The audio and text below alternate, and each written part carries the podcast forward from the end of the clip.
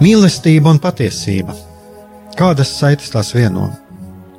Mēs esam cieši saistīti pirmkārt ar sevi, ar savu būtību, un arī ar pārējo pasauli, ar līdzcilvēkiem, ar sabiedrību. Kur ir mūsu vieta šajā pasaulē? Kā mums katram atrast savu patieso aicinājumu un vietu? Kā sasniegt savas dzīves piepildījumu, mīlestību? Kādi šķēršļi gan mūsu sirdī un prātā sastopamie, gan ārējie aizķēso mūsu ceļu pie Dieva? Šie jautājumi ir mūsu dzīves sastāvdaļa, svarīgi mūsu ceļā uz svētumu. Meklēsim šajā raidījumā kopā atbildes uz šiem jautājumiem. Ieklausīsimies, ko Dievs mums vēlas pateikt ar visu, ko sastopam savā dzīvē. Lai mūsu sirds un prāti atveras mīlestībai un patiesībai, raidījums mīliet citu citu.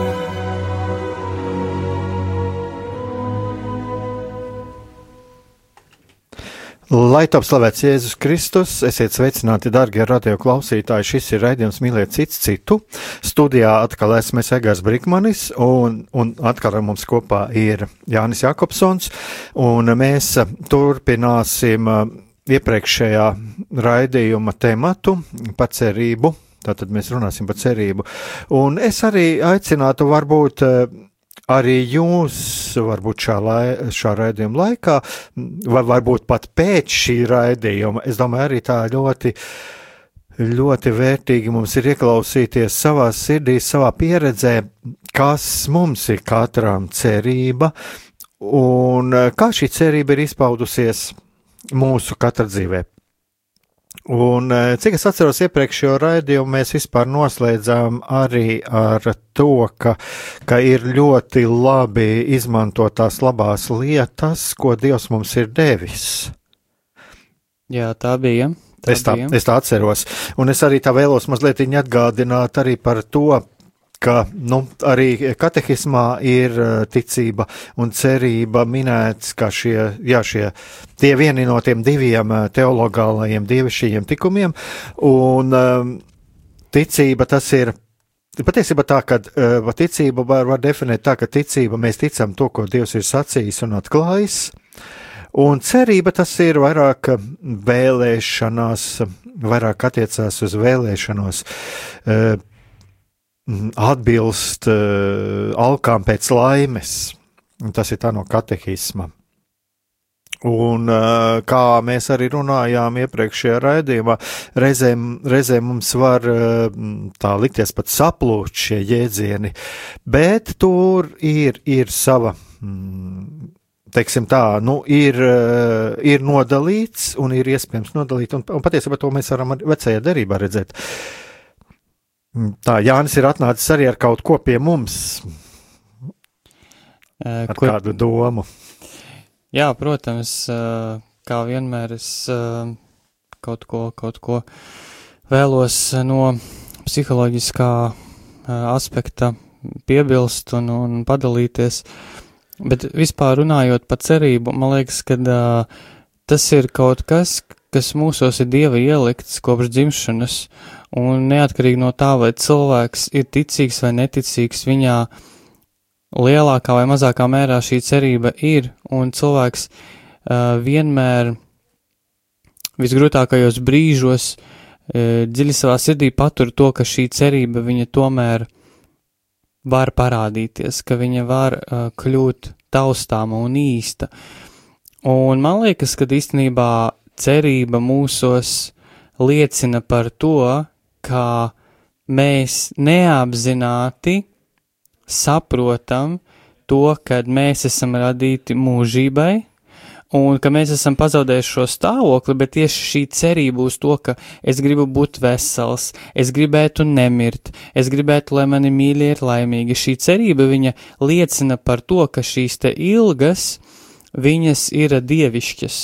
Tās ir, jo pēc būtības mēs nevaram uh, gribēt to, kas nav reāls, ja, jo uh, tātad, ja mēs ilgojamies pēc tā, ka pasaulē būtu miers un visi būtu laimīgi un mūsu mīļie nemirtu un nebūtu karu nebūtu nabadzības, tas nozīmē, ka no kaut kurienes šīs ilgas nāk, un e, es uzskatu, un, un arī daudzi teologi uzskata, ka šīs te ilgas viņas mūsos ir ieliktas no paša Dieva, jo Dievs mūs ir radījis mūžībai, bet tā kā mēs esam zaudējuši šo te mūžīgo dzīvi caur ādama grēku, tad, protams, ir visas šīs slimības un nāve un tā tālāk, bet Jēzus viņš to visu ir atjaunojis, un kādu dienu mēs piedzīvosim šo te atjaunotni visā pilnībā.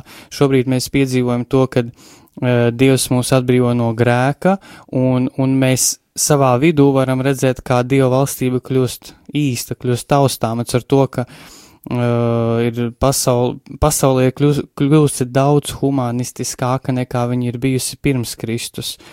Uh, ja mēs paskatāmies kristietības vēsturi, tad pirmajos gadsimtos Pateicoties kristīgai ticībai, daudzi pagāniskie reģioni, kur notika visādi cilvēku upurēšanas rituāli un, un, un visādas citādas lietas drausmīgas, tās sāka izzust, sāka parādīties uh, universitātes, literatūra, uh, tika apkopoti dažādi uh, sengrieķu mākslas darbi, un to darīja visu kristīgi autori uh, šo te mantojumu Eiropisko saglabāja slimnīcas, mēs par to jau bijām runājuši. Eh, daudzi kristīgi zinātnieki ir eh, bijuši tie, kas deva ļoti lielu ienesumu, eh, lai, lai, lai pasaule kļūtu daudz labāka un attīstītāka. Jā, un es domāju, tas viss ir, cerība ir tā, kas virza uz šo visu, ka cilvēks ilgojas pēc šīs te mūžības, pēc veselības, un tas nav tāpat vien, jo Dievs uh, viņš mūs gatavo mūžībai. Jā, tā tad es saprotu to, ka no tevis teiktā, ka cerību mums, mums ir ielicis Dievs. Un es domāju, šī ir tā lieta, kur arī mm, psiholoģija saskarās ar, mm, teiksim, jā, psiholoģija saskarās ar teoloģiju.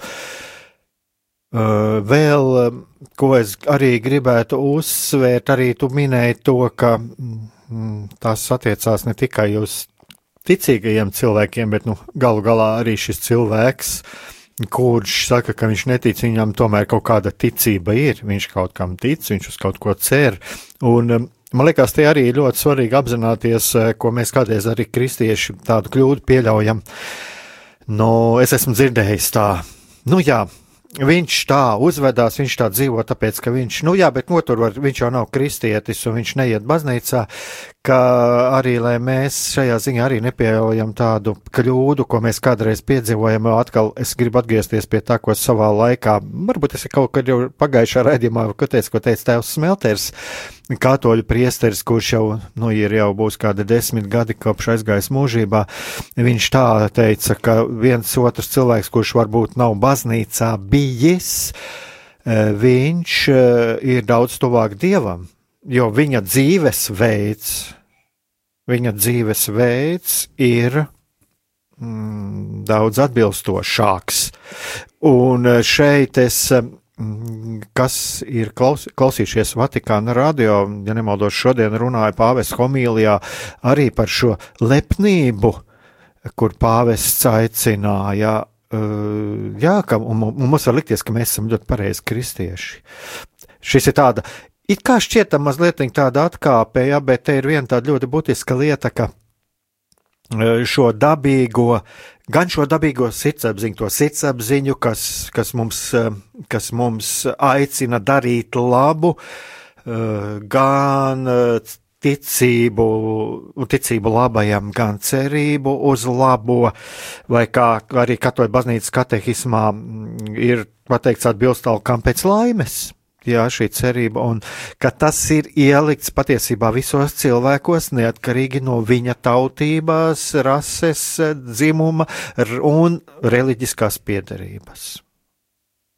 Jā, es tev, es tev piekrītu, un uh, piebilstot uh, par, uh, par cerību, ka ir arī ļoti svarīgs moments, ka cilvēks Man liekas, es arī to jau biju teicis iepriekšējā raidījumā, ka cilvēks var bloķēt šo te cerību arī neapzināti, jo viņš ir, ja viņš ir dziļi ievainots.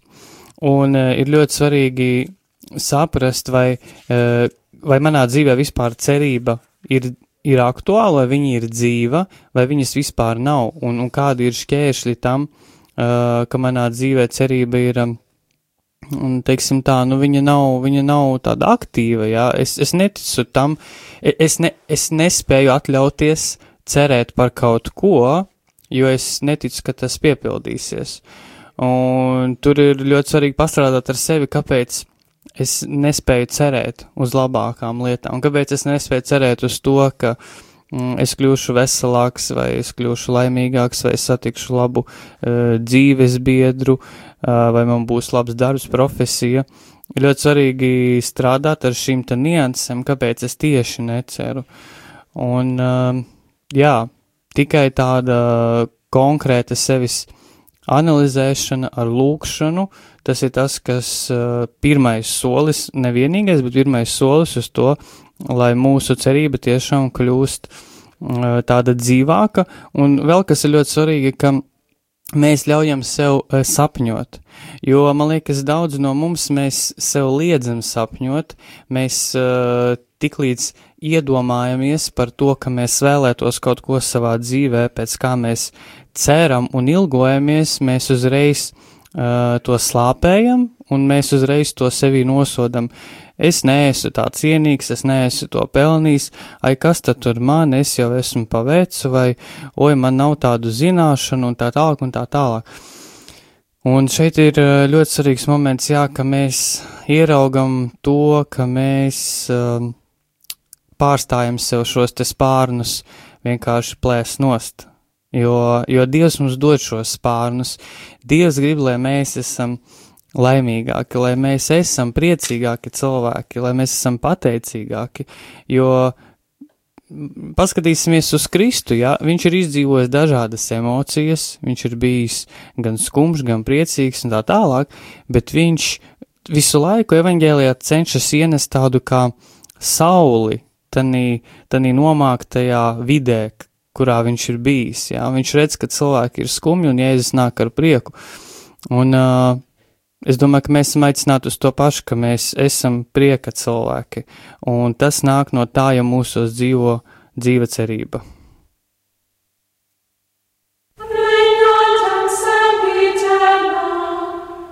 Seclas uscectura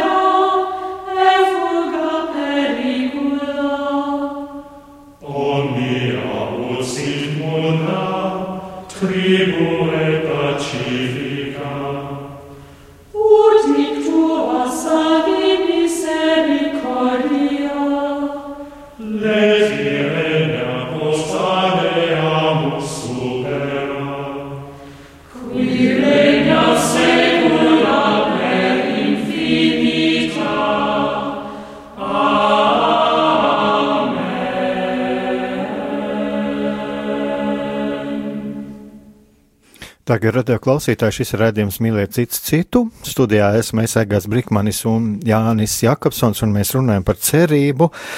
Un mm, tu minēji pirms muzikālās pauzes eh, vēlreiz atgriezies par to, kā mēs mm, apgriežam šos cerības spārnus un, un arī apgriežam šos sapņus. Es šeit arī mazliet gribētu piebilst vienu tādu lietu, ka uh, ir kas attiecās gan uz ticību, gan uz cerību, ir ļoti svarīgi lai uh, šīs lietas būtu patiesas. Ko es ar to gribu teikt? Sapņi paši par sevi, par mums uh, daudz ko pasaka, un sapņi ir ļoti vērtīga lieta. Un šeit es runāju, es domāju, psihologiem būtu arī daudz kur runāt par to, ko mēs naktīs sapņojam, bet šie sapņi arī, ko tādi nomoda sapņi mūsu ilgošanās, viņi parāda par kaut ko, kāda ir mūsu iekšējā aicinājumi. Bet kāpēc es gribu atgriezties pie šī, ka šim sapņojumam ir ļoti svarīgi, lai viņš būtu reāls. Nu, minēsim piemēru. Es varētu ļoti gribēt eh, būt, teiksim, par kaut kādu helikopteru vai lidmašīnas pilotu, bet manas tīri manas redzes un kaut kādu veselības un, ve un vecuma apstākļu dēļ, mm, tas ir tas nerealizējamais sapnis. Eh, es varu vēlēties, man es, es atceros savu laiku bija pārmeta vienam cilvēkam politikā, eh, Nu, būtībā tur bija tāds um, nepareizs skatījums par viņa vecumu un tā tālāk, ja, kad, ka pateica vienkārši viens žurnālists, ka, nu, kā, nu, viņš tur 80 gados tur mēģinās lidot no vienas valsts uz otru, ka tas ir pārspīlējums, ja. Bet patiesībā tas bija tāds tīri objektīvs vērtējums, ja, tiešām cilvēks cienījumos gados neskatoties uz savu vecumu, un es atceros, es brauca velosipēdu mājās rīts un, un Latvijas kara skola, kurā uzrakstīts uzņemt no 30 gadiem, vai kā viņi saucas, kara akadēmija tagad, ja, un es tās pienienācu prātā, nu jā, nu lai cik es gribētu, ja, bet es toreiz man kaut kādi 45 gadi vai cik, nu mani tur neuzņemtu, ja. Kā, kāpēc es par to tā saku, jo e, mums kādreiz nākās saskarties ar to, ka cilvēks eh, dzīvo sāpēs, rūkumā par to, ko viņš vairs nevar realizēt, kas viņam ir nerealizējams, un arī šis. Eh, šis uh, dzīvošana tajā sapnī, kas objektīvi nav iespējams, var cilvēkam arī apgriezt šos spārnus, jo tad viņš nobloķē uz citu ceļu, kas viņam būtu ejams. Es domāju, ka šeit arī tā ir arī ļoti svarīgi ir paskatīties uz to. E, mm, nu, Man ir, teiksim, ir tāds gadījums arī, kur, teiksim, cilvēks ir iemīlējies, un viņš, viņam saprot, ka viņam ar šo cilvēku nebūs, un tas jau, jau gatavojās laulībai ar citu, tā. Nu, un tad es esmu arī tam cilvēkam teicis, kas, es saku, nu, tagad eh, vienkārši, jā, tev ir jāizdzīvo šī sāpe, šis, šis moments, jā, bet eh, tev ir jādzīvo tālāk, jā, tam ir visam jāaiziet pagātnē, lai tu atrastu mm, nākamo ceļu, lai nenobloķētu, ilgojoties pēc tā, kas nav lemts, mm, lai nenobloķētu sev jaunas iespējas. Nu, tas tāds man tāda neliela piebilde, kas, kas, ir, kas ir ļoti svarīgi, manuprāt, jo, manuprāt, mēs saskaramies arī ar to, ka cilvēki ļoti, ļoti dzīvo, dzīvo šajās pagātnes sāpē par to, kas viņam nav.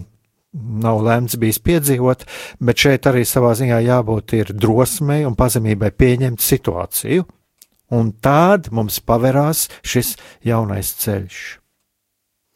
Jā, tad arī pavērās tāda jauna cerība, ja ir konkrēta situācija, kuru es diemžēl nekādīgi nevaru mainīt, un kaut kādu apstākļu dēļ es redzu, varbūt, kad tā dieva atbilde un, un, un risinājums nenāk tieši tajā brīdī, ja es to pieņemu, bet es turpinu lūgt dievu un paļauties, ka viņš tomēr zina labāk, un tad arī jauna cerība var piedzimt, tā kā, tā kā tu saki, un um, Es domāju arī, ka ļoti ir svarīgs moments tas, ka, uh, ka ir jāsaprot, ka mēs nedrīkstam uzskatīt cerību uh, kā tādu pasīvu lietu, ka cerība kļūst uh, dzīve tad, kad mēs uh, esam aktīvi un mēs no sevis kaut ko daram, jo, mēs, kā mēs atceramies, tad uh, baznīca māca to, ka uh, žēlastība uh, darbojas tikai tad, ja mēs viņu līdzdarbojamies, ka mēs atbildam uz Dieva svētību.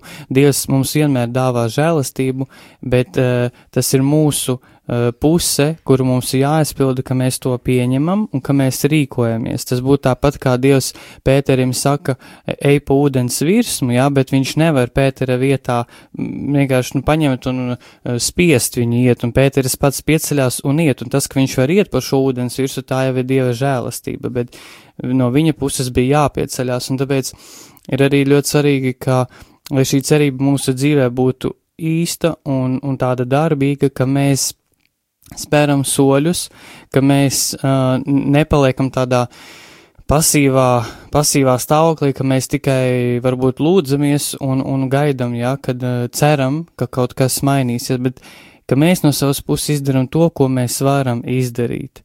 Un, un, un tad tā cerība viņa arī kļūst dzīvāka. Un vēl kas ir ļoti svarīgi, ka uh, nereti arī mēdz būt tā, ko es esmu dažreiz uh, pamanījis kristīgajā vidē, ka dažreiz mēdz būt tāda nostāja, uh, ka man ir Dievs un uh, viņš man visā palīdzēs, Un es paļaujos uz viņu, es ceru uz viņu, un man vairāk neko nevajag. Es zinu, ka viņš visu atrisinās. Un aiz šādas frāzes var slēpties īstenībā ļoti, ļoti tāds, nu, ja tā var teikt, tas ir tāds ļoti skaists uh, mehānisms, ko cilvēks var pielietot. Nesaka, ka vienmēr tā ir, bet mēdz būt, ka cilvēks aiz, šī, aiz šīs frāzes, jeb aiz dieva vienkārši slēpjas.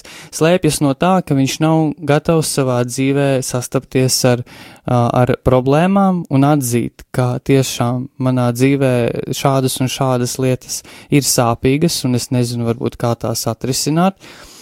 Un tas ir ļoti svarīgi, ka mēs nemānam sevi, ka mēs neesam tādi pasīvi cerētāji, bet ka mēs esam aktīvi cerētāji un ka mēs varam cerēt, ka Dievs mainīs lietas, bet tur ir vajadzīga mūsu līdzdalība. Tātad cerībā ir vajadzīga mūsu līdzdalība. Es domāju, ka tagad atkal varam mēs eh, kādu muzikālu pauzīti uzlikt, un, un man jau eh, te radās tāds nedaudz eh, jautājums jau par šo, par šo lietu, kas tieši skār, varētu skart psiholoģiju, bet nu to pēc muzikālās pauzes. Tad. Okay.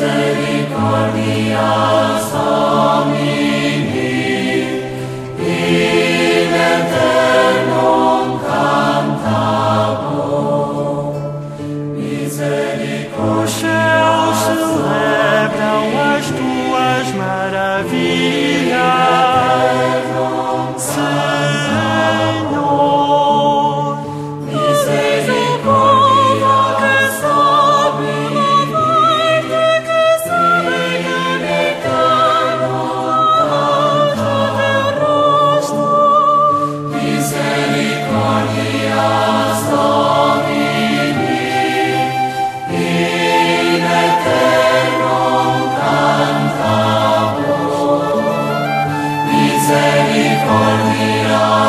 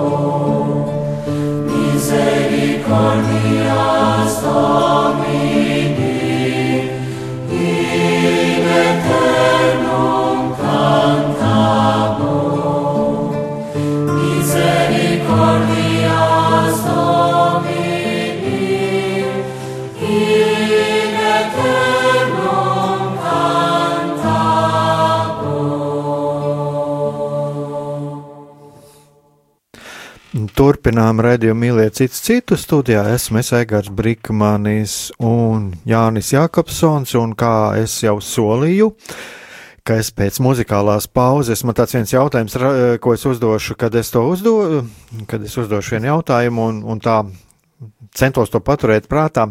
E, tu runāji par šo pasivitāti, kas attiecās uz cerību. Man uzreiz nāk prātā tāds jēdziens, ko varbūt ir daži dzirdējuši, daži nav, kā prokrastinācija. Jā, es esmu dzirdējis tādu jēdzienu. vai tas mēs kaut ko Es arī esmu to darījis. Jā, un vai šeit mēs arī, te, te ir atkal tāda lieta, kas varbūt arī ļoti būtiski ir atšķirt, kur cilvēks varbūt meklē kur viņš meklē garīgu palīdzību, un tas ir ļoti labi. Jā, bet varbūt viņam ir vajadzīgs saprast arī to, ka tas ir kaut kas vairāk saistīts ar šo prokrastināciju, un tad kā tam pārkāpt pāri. Jo tas var būt arī garīgajā ceļā. Es, piemēram, esmu saskāries arī to, ka arī kaut vai tajā pašā lūkšana procesā, lai apsēstos, palūktos, Nu jā, prokrastinācija principā tā ir tāda lietu izbēgšana, ka cilvēks neapzināti viņš nedara to, ko viņam būtu jādara, un, teiksim, viņam ir jāsakārto māja, un viņš, viņš saka visu laiku, ka viņš to izdarīs, izdarīs, bet uh, viņš dara visu, lai to neizdarītu, jā. Uh, viņš var pēkšņi, varbūt viņam ir jāgatavojas kādai darba intervijai, un viņam būtu jāapsēžas, jāvelta 20 minūtes tam, ko viņš uh, ko viņš runās šajā intervijā, bet viņš pēkšņi sāk, nezinu, mazgāt traukus, grīdu, uh, lasīt grāmatu vai parādās simt un viens iemesls nedarīt to, ko viņam ir jādara. Vai es pareizi sapratu, domāju šo? Jā, jā, tieši, tieši to es domāju. Un kāpēc es par to domāju? Tāpēc, ka Mm, te ir atkal tas, ja mēs runājam par cerību, jo pašos pamatos jau Dievs mūsos ir arī ielicis šo aicinājumu un to sapni. Un uh, es pat teiktu tā, ka um, lielākoties 90 cik procenti no, no visa tā, ko Dievs mūsos ir ielicis, tā ir šīs zemes dzīve, tas ir uh, dzīvesveids, aicinājums uh, uz kādu dzīvesveidu, vai, vai laulību, vai, vai garīgo kārtu, vai uh, aicinājums uz kaut kādu mm, profesiju. Uh, galu galā aicinājums um, doties kādā ceļojumā. Tā kā es kādreiz, es nezinu, es šeit esmu minējis vai neesmu, jā, e, piemēram, mēs braucām tādu iztaisījām ar sievu tādu braucienu ar automašīnu šo, šovasar pa Itāliju, un tad es arī tā teicu, arī šī lieta, tāda sapņa e, īstenošana, arī savā ziņā prasa izkāpšanu no komforta zonas, jo man mainīsies, un, un, un man patīk, tas man tāds, man patīk tādā veidā, kad es braucu nezināmai, mājā. ja? Un, uh, tas viss ir sava veida piedzīvojums, bet arī teiksim, tas ir tāds sapnis. Man šādas lietas patīk, bet arī tomēr izkāpt ārā no mājas un doties nezināmajā. Un vai šeit arī nav.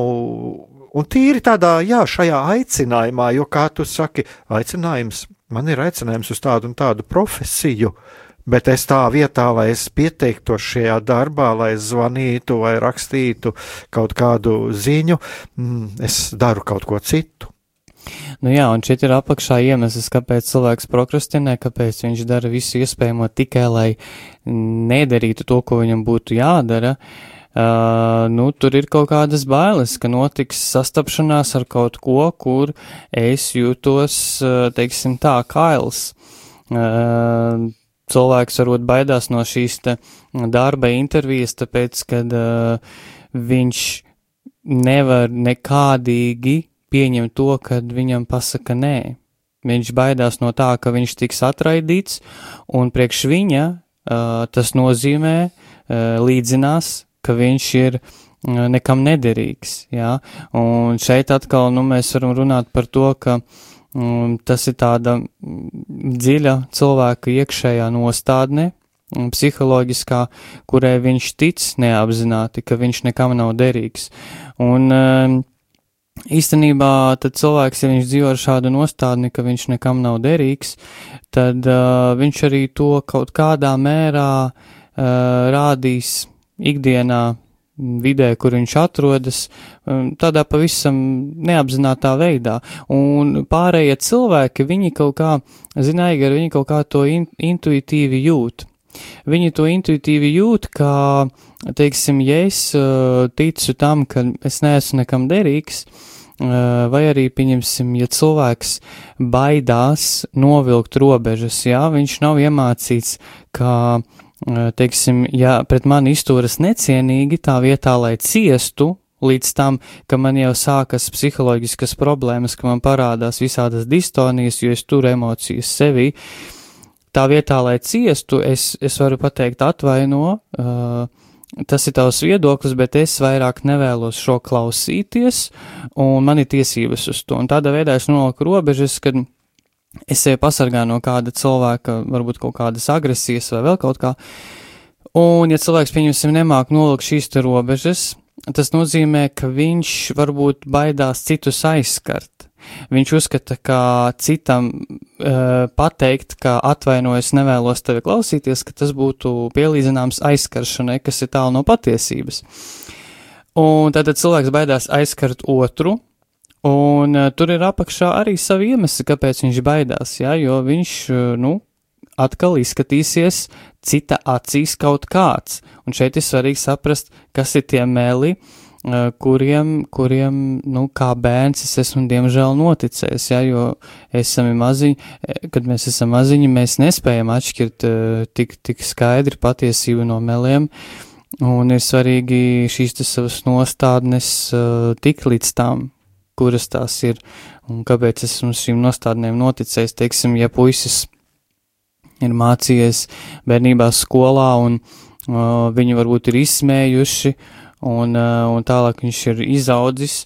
Viņš var pārnest uz savu dzīvi to, kad uh, viņam liekas, ka viņš, viņš nekad neiegūs augstāko izglītību, vai ka viņš nav mm, cienīgs uh, strādāt la, labu atalgotu darbu. Pieņemsim, varbūt vecāki vēlējušies, lai viņš kļūst inženieris, un viņš nekļuva. Un tādā veidā viņš it kā uh, sāpināja savus vecākus, jā. Bet viņš arī cer to, ka viņš nekļuva tas inženieris, viņš arī aplauž šo cerību pats sev jo viņš uzskata, nu, ka tas bija vienīgais veids, kā varēja realizēties. Un tad viņš var domāt, ka viņš nav cienīgs uh, strādāt kādu labi atalgotu darbu. Un tā tās cerības viņas aplaužas mūsos, ja mēs, ja mēs nestrādājam ar šiem saviem ievainojumiem, un uh, ja mēs paskatāmies uz svētajiem, tad kāpēc viņiem, varbūt tā no malas liekas, ka viņiem tas svētuma ceļš bija tāds viegls, jā, kas ir arī, kas, kas arī nav patiesība, uh, viņiem bija savas grūtības, arī svētajiem bija sava ēnas puse. Ja tā. Jā, nu tā ir tā lieta, par ko es esmu arī šeit runājis, un man liekas, nevienu reizi vien, kad e, mums ir kristiešiem tāda problēma, kādēļ, ka mēs redzam šo triumfālo svētumu, jau kad viņš jau, nu, ir jau sasniedzis šo svētuma pakāpi, bet, e, nu, paskatīsimies, es, nu, mēs varam pastīties kaut vai uz apostolu Pāvilu kā viņam ir gājis, ja, bet, un es domāju, ka katram svētajam, ja, es vienkārši tas tāds man tāds, jā. Jā, kur, kur ir arī ļoti svarīgi paskatīties, ka viņi arī bija cilvēki, un apusos Pāvils rakstīja par šos dzeloni, ja, un kad es daru to, ko negribu, un, un nedaru to, ko gribu. Jā. Ļoti, man liekas, tas ir ļoti labs, labākais piemērs, ko mēs varam paskatīties arī svētajos rakstos, bet labi, tas man tāds iesprādums. Jā, jā. Uh, jā, tas, tas, tas, ko tu saki, ja, kad uh, tas uh, triumfs, tas, ko mēs redzam, bet līdz tam triumfam ir bijis tas ceļš, un tas ceļš viņš ir bijis noteikti neviegls. Un, uh, jā, nu, mums ir jāsaprot, kad, uh, kad, kad nebūs viegli, ja mēs gribam, ja, ja, mu, ja mums ir sapņi un mēs ceram uz kaut kādām lietām, nebūs tā, ka nu, viņi vienkārši nokritīs. Jā, dažreiz Dievs tā dara, viņš mūs, viņš mūs tā var iepriecināt, bet lai mēs kļūtu svēti, ir vajadzīgs šis svētāpšanas process. Jā, tas ir kā, kad kalnos uh, atrod zeltu, tas sākumā ir vienkārši tāds rupšs, nesmugs bloķis, jā, un tad viņu tur karsē ar uguni un skaldu, un tad pēc, pēc kāda procesa tas zelta bloķis kļūst par tādu skaistu, tādu zelta gabaliņu, jā, tur vai, vai kas, kāds rotājums, un tāpat arī mēs, tas ir process. Un, jā, un ceļš uz svētumu, nu, viņš jau nepasargā arī no e, paklupieniem. Jā, bet atgriežoties atkal pie šī prokrastinācijas, tā tad, kā es sapratu, viens no iemesliem arī šai prokrastinācijai ir šīs bailes kļūt noraidītiem. Un nākamais ir cilvēks piedzīvojot noraidījumu, viņš jūtās nederīgs. Jā, tie var būt viena no iemesliem. Tas ir, bet es, teicu, es arī tā domāju, tas ir tikai viens no iemesliem, jo tā prokrastinācija jau skar ne tikai to noraidījumu, nenoraidījumu, bet tas skar vispār pieķeršanos pie jebkuras darbības, kur pat, eh, nu, liekas, nekādu noraidījumu mēs, mēs nesaņemsim, bet katrā ziņā tur ir savi iemesli apakšā. Es domāju, arī varbūt mēs tam kādreiz varētu pievērsties, bet šajā raidījumā, nu, mēs eh, visu to neizrunāsim, kas attiecās uz prokrastināciju, bet šeit, es domāju, šeit jāatgriežas pie tā, ka mēs runājām par to, kas mums eh, traucē kādreiz īstenot eh, to, uz ko mums ir cerība. Jā. Šeit vairāk ir, vairāk ir tieši runa par šo cerību. Un tagad, es domāju, atkal mēs varam kādu muzikālu pauzīti paņemt un tad turpināt.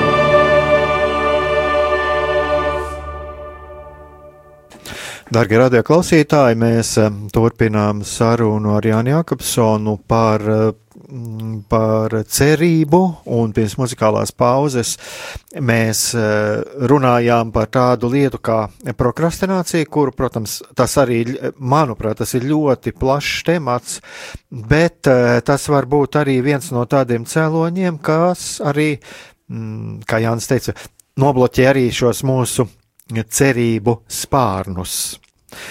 Par cerību man ir uh, arī tādas, tas ir atmiņas vēl no maniem jaunības laikiem, kad uh, man iznāca ļoti, ļoti daudz runāt ar cilvēkiem, kas ir piedzīvojuši padomu laiku represijas.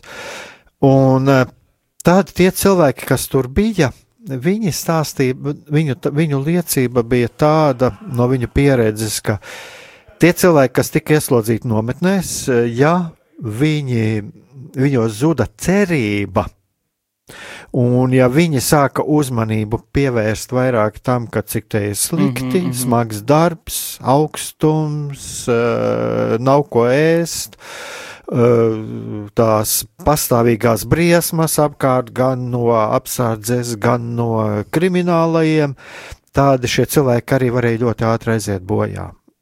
Jā. Un, protams, ka tur arī visstiprākais cilvēks nevarēja to arī nu, pasargāt, jo, nu, teiksim, no, ne no lode vai slimība un, un tā, ja, bet viens no, viena no tādām, tādām lietām, kas mm, kaut kādā ziņā, es teiktu tā, cilvēkam šie psiholoģiskie un fi, fiziskie resursi ātri izsīka. Un es domāju, šeit arī tā lieta, kas Mm, es domāju, ka mēs katrs arī varam paskatīties uz savu pieredzi, kā mēs jutāmies un kāda bija mūsu iekšējā aktivitāte, tad, kad mums ir šī cerība, mm -hmm. un kā ir tad, kad šīs cerības nav. Jā, es tev ļoti piekrītu, Aigar, un te ir īstenībā tāda neizskaidrojama likumsakarība, kā tas bezmazliet tā kā, kā Jēzus teicis, jā, viņš saka, tas, kuram nav, viņam būs arī atņemts tas, kas viņam ir. Un tas, kuram ir, viņam tiks vēl dots klāt, jā. Un, ja, ja mēs e, dzīvojam bez šīs cerības, vai mēs nelūdzam no Dieva to, ja mēs neceram, nesapņojam, tad principā, mm, nu, jā, nav jābrīnās, ja mēs, ja mēs esam noskumuši un, un mūs velk uz tādiem depresīviem stāvokļiem, bet uh, arī tas, kad uh, tas, vai man ir šī cerība, ļoti uh, ietekmēs manu ikdienu.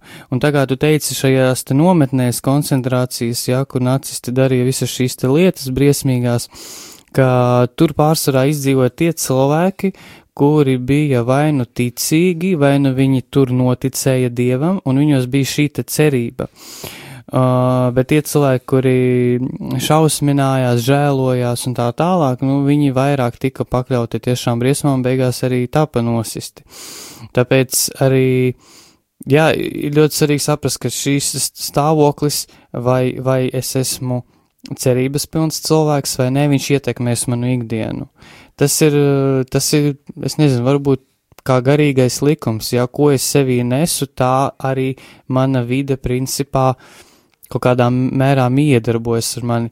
Ja es neticu sev, tad arī apkārtējie ja viņi to redzēs, ka es neticu sev, un viņi m, mm, attiecīgi arī var uzvesties pret mani kā pret cilvēku, kurš netic sev. Jā, tā var būt kaut kāda necieņa vai vai, vai neviens neizrāda uzmanību un tā tālāk un tā tālāk. Ja darba kolektīvā atnāk cilvēks, kurš uh, varbūt kaunās no uh, no sarunas ar, ar otru. Viņš tāds vienkārši nav sociāls cilvēks, uh, bet viņš izliekās, ka viņš nekaunās ne no viena. Tad cilvēki tāpat jutīs, ka viņš kaunās runāt ar otru. Nu, tas bezmēlīgi tāpat kā, kad cilvēks kaut ko melo vai slēpj, jā, vienalga otrs intuitīvā līmenī viņš var sajust, ka kaut kas šeit nav kārtībā. Nu, šeit par to kaunēšanos, un tā man liekas, ka te arī ir um, ļoti svarīgi varbūt neizlikties, jo, nu, varbūt cilvēks ir vienkārši vairāk introverts, un tā ir viņa būtība. Un ja viņš ar savā introvertumā būs paties, tad viņam uh, tās attiecības veidosies, uh, veidosies normāli, veselīgi, atbilstoši tam, tai viņa būtībai. Tas pats arī uz ekstravertiem. Es domāju, ka šeit šī lieta arī ļoti svarīgi ir saprast arī šos cilvēku temperamentus un to viņu būtību.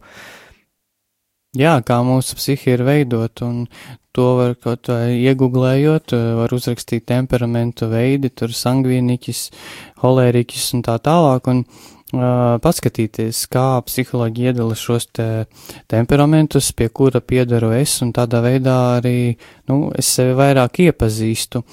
Un um, vēl es arī gribēju minēt par to, ka ir ļoti arī svarīgi strādāt ar savām domām, jo nereti tas, vai mūsos ir šī cerība vai ne, ir atkarīgs no tā, kādas ir mūsos šīs mehāniskās domas. Un konkrēti, kognitīvā terapija māca par to, ka ir šie te četri soļi, ja, ka vispirms cilvēkam ir kaut kāda situācija, kuru viņš ierauga vai iedomājas, ja, tad rodas doma, domai seko emocija, un emocija seko uzvedība. Pieņemsim, nu tāds klasisks piemērs, manuprāt, viņu jau bija minējis, septembrī, laikam, kad es šeit pirmo reizi biju atnācis, ka cilvēks iet pa ielu un viņš ierauga kādu guļam uz zemes. Viņa pirmā doma uh, ir, uh, pieņemsim, ka šis gulošais cilvēks ir miris. Ja? Tālāk seko emocija, bailes un uh, uztraukums, un tālāk seko rīcība. Un rīcība ir uh, panika, ja, kad cilvēks nezin, ko darīt, vai zvanīt ātriem, vai savu kādu garām gājēju palīgā un tā tālāk. Un šeit ir ļoti svarīgi uh, strādāt, kāpēc tieši uh, tas, ka es ieraudzīju cilvēku guļam uz asfalta, man uzreiz asociējās ar to, ka viņš ir miris.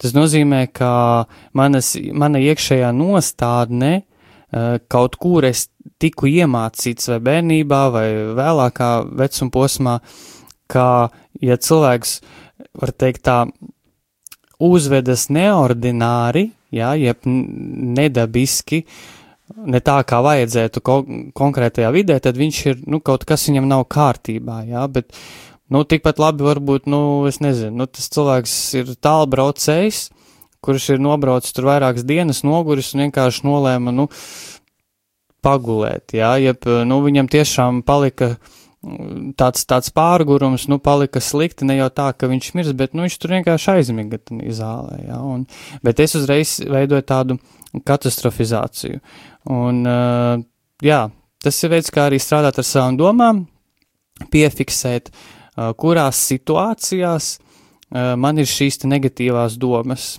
Tad mēs piefiksējam domu. Tad, ja mēs mainām savu domu, tad mainās arī emocija. Un, ja mainās emocija, tad mainās arī mūsu rīcība. Ja es spēju pamainīt savu skatienu uz, uz kādu no situācijām, teiksim, ja es esmu pieredzējis būt kritisks, tad varbūt paprovēt, Tanī situācijā, kur man atkal gribēsies kādu kritizēt, apstāties uz divām sekundēm un padomāt, a, varbūt tomēr ir citādāk. Un tad man būs cita emocija, teiksim, viņa varbūt nebūs negatīva, viņa būs neitrāla. Un mana rīcība būs tāda, ka es būšu mierā ar sevi un es nebūšu uzvilkts. Tas ir tāds veids, kā strādāt ar sevi. Mhm. Tas nozīmē arī tas, ka, nu, domāju, jābūt arī šeit tāda kritiska pieeja, ne viss, kas man ienāk prātā, kaut ko redzot, atbilst tam, kā tas ir patiesībā. Es vēlos pavisam īsi piebilst, tu, tu ļoti labi pateici, man radās tāds doma, tāda domu grauds, ka tas arī ļoti mūsu garīgajā dzīvē nereti atspoguļojas, ja, ka mēs domājam, ka Dievs domā par mani kaut ko š, konkrētu šo te, ja, tas varbūt, nezinu, pēc lūkšanas vai, vai svētajā misē, vai es aizēju uz grēku sūdzi, un tad man ienāk doma prātā, varbūt Dievs par mani domā šādi, un tad seko emocija, kas ir skumjas, un tad seko rīcība. Es esmu nomākts, es atnāku tāds uz mājām, es atnesu to garstāvokli, un tad es aplipinu savu sievu, savus bērnus un tā tālāk. Un šeit arī ir ļoti, ļoti, ļoti uzmanīgi jābūt ar to, kādas man nāk domas attiecībā par mani un Dievu. Nu jā, un no tā ir arī atkarīgs, atkarīgs eh, vai es ceru uz Dievu. Jā. Jā, tā kā mēs, mēs šeit runājām par tādām psiholoģiskām lietām, bet es vēlos atgādināt, ka, mm, ka nu, tās ir visas arī visas šīs lietas, kas ietekmē mūsu spēju cerēt. Un, un es atkal gribu atgriezties pie, pie sava iemīļotā apstuļa Toma ko kā mēs jau te kādreiz runājam, viņš tiek kādreiz tā ļoti, ļoti, es domāju, nepamatoti, nepamatoti novērtēts, kā, kā neticīgais toms, jā, lai gan tieši tas, kā jau mēs pirms kāda laika runājām šeit, manuprāt, ir tas, ka, manuprāt, ka tieši tas, ka toms mm, pateica, es neticēšu, pirms nebūšu ielicis rokas Jēzus brūcēs, bija tas, kas eh, viņš neizlikās. Viņš bija patiesas, un tas, bija, tas viņam palīdzēja. Tas bija viņam mm, priekšnoteikums, priekšnoteikums viņa ceļā uz svētumu. Viņš eh, neliekuļoja, bet eh, es šeit, apskat, es šeit redzu arī cerību, jo Toms uzreiz nenoticēja, bet tajā pašā laikā viņš bija atvērts arī uz šo labo, jo viņā tomēr bija šī cerība uz augšām celšanos. Jā, viņš teica, kamēr es netaustīšu, tad, tad Jā, un tā tad, jā, viņam tomēr šī cerība bija. Viņam šī cerība bija, un tas bija šis priekšnoteikums, ka viņš arī piedzīvoja to, ko viņš cerēja. Viņš Jēzu sagaidīja. Es Jā. domāju, ka tas ir, tas ir arī tāds ļoti, ļoti skaists piemērs, un mūsu raidījums jau tagad es redzu, ka tuvojas noslēgumam, un, un es domāju, ka kas ir viens no tādiem skaistākajiem novēlējumiem, kas mums, kas mums šajā adventa laikā varētu būt, tas ir ticība.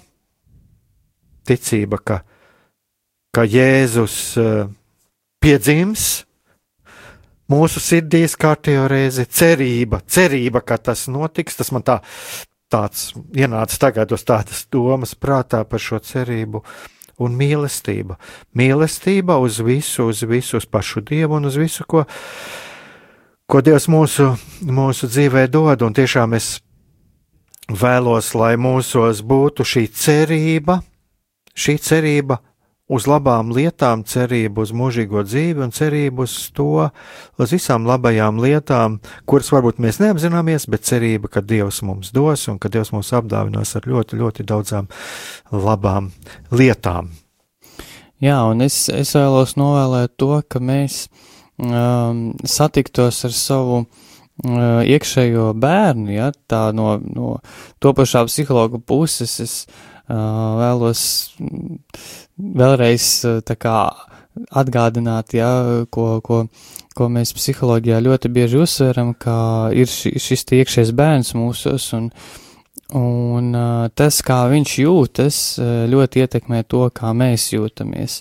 Un ja mēs esam pret savu iekšējo bērnu pavirši, ja, pret šo mm, tādu, nu, var teikt, mazo cilvēku, kas dzīvo mūsu psihē, tad, uh, tad mēs arī laupam sev šo cerību. Un es novēlu, ka tiešām šajā adventas laikā, kamēr mēs gaidām no jauna Jēzus piedzimšanu, lai mēs uh, sastaptos ar, ar šo savu iekšējo bērnu, lai mēs ieklausītos, kas ir tas, kas man kā uh, mazam cilvēciņam, manī, kurš dzīvo, kas pietrūks, kas tas pēc kā šis mazais bērns ilgojas, varbūt viņam vajag vairāk miera, varbūt uh, viņš vēlas sastapties ar jums, varbūt viņš vēlas, lai jūs vienkārši viņu samīļojat, jā, un ja jūs iesiet šajā dialogā ar jūsu iekšējo bērnu, tad viņš noteikti ar jums runās, un, un uh, tas noteikti palīdzēs uh, satikt mazo bērnu Jēzu Kristu silītē.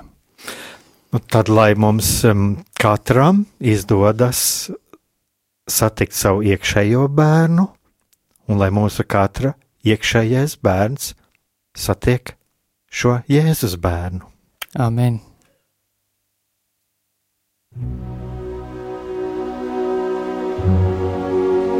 Mīlestība un patiesība. Kādas saites tās vieno? Mēs esam cieši saistīti pirmkārt ar sevi, ar savu būtību, un arī ar pārējo pasauli, ar līdzcilvēkiem, ar sabiedrību. Kur ir mūsu vieta šajā pasaulē?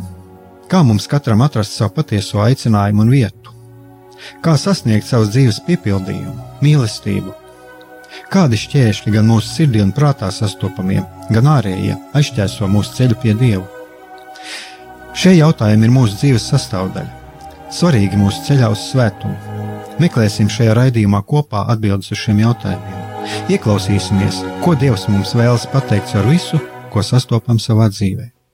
Lai mūsu sirds un prāti atveras mīlestībai un patiesībai, raidījums mīliet citu citu.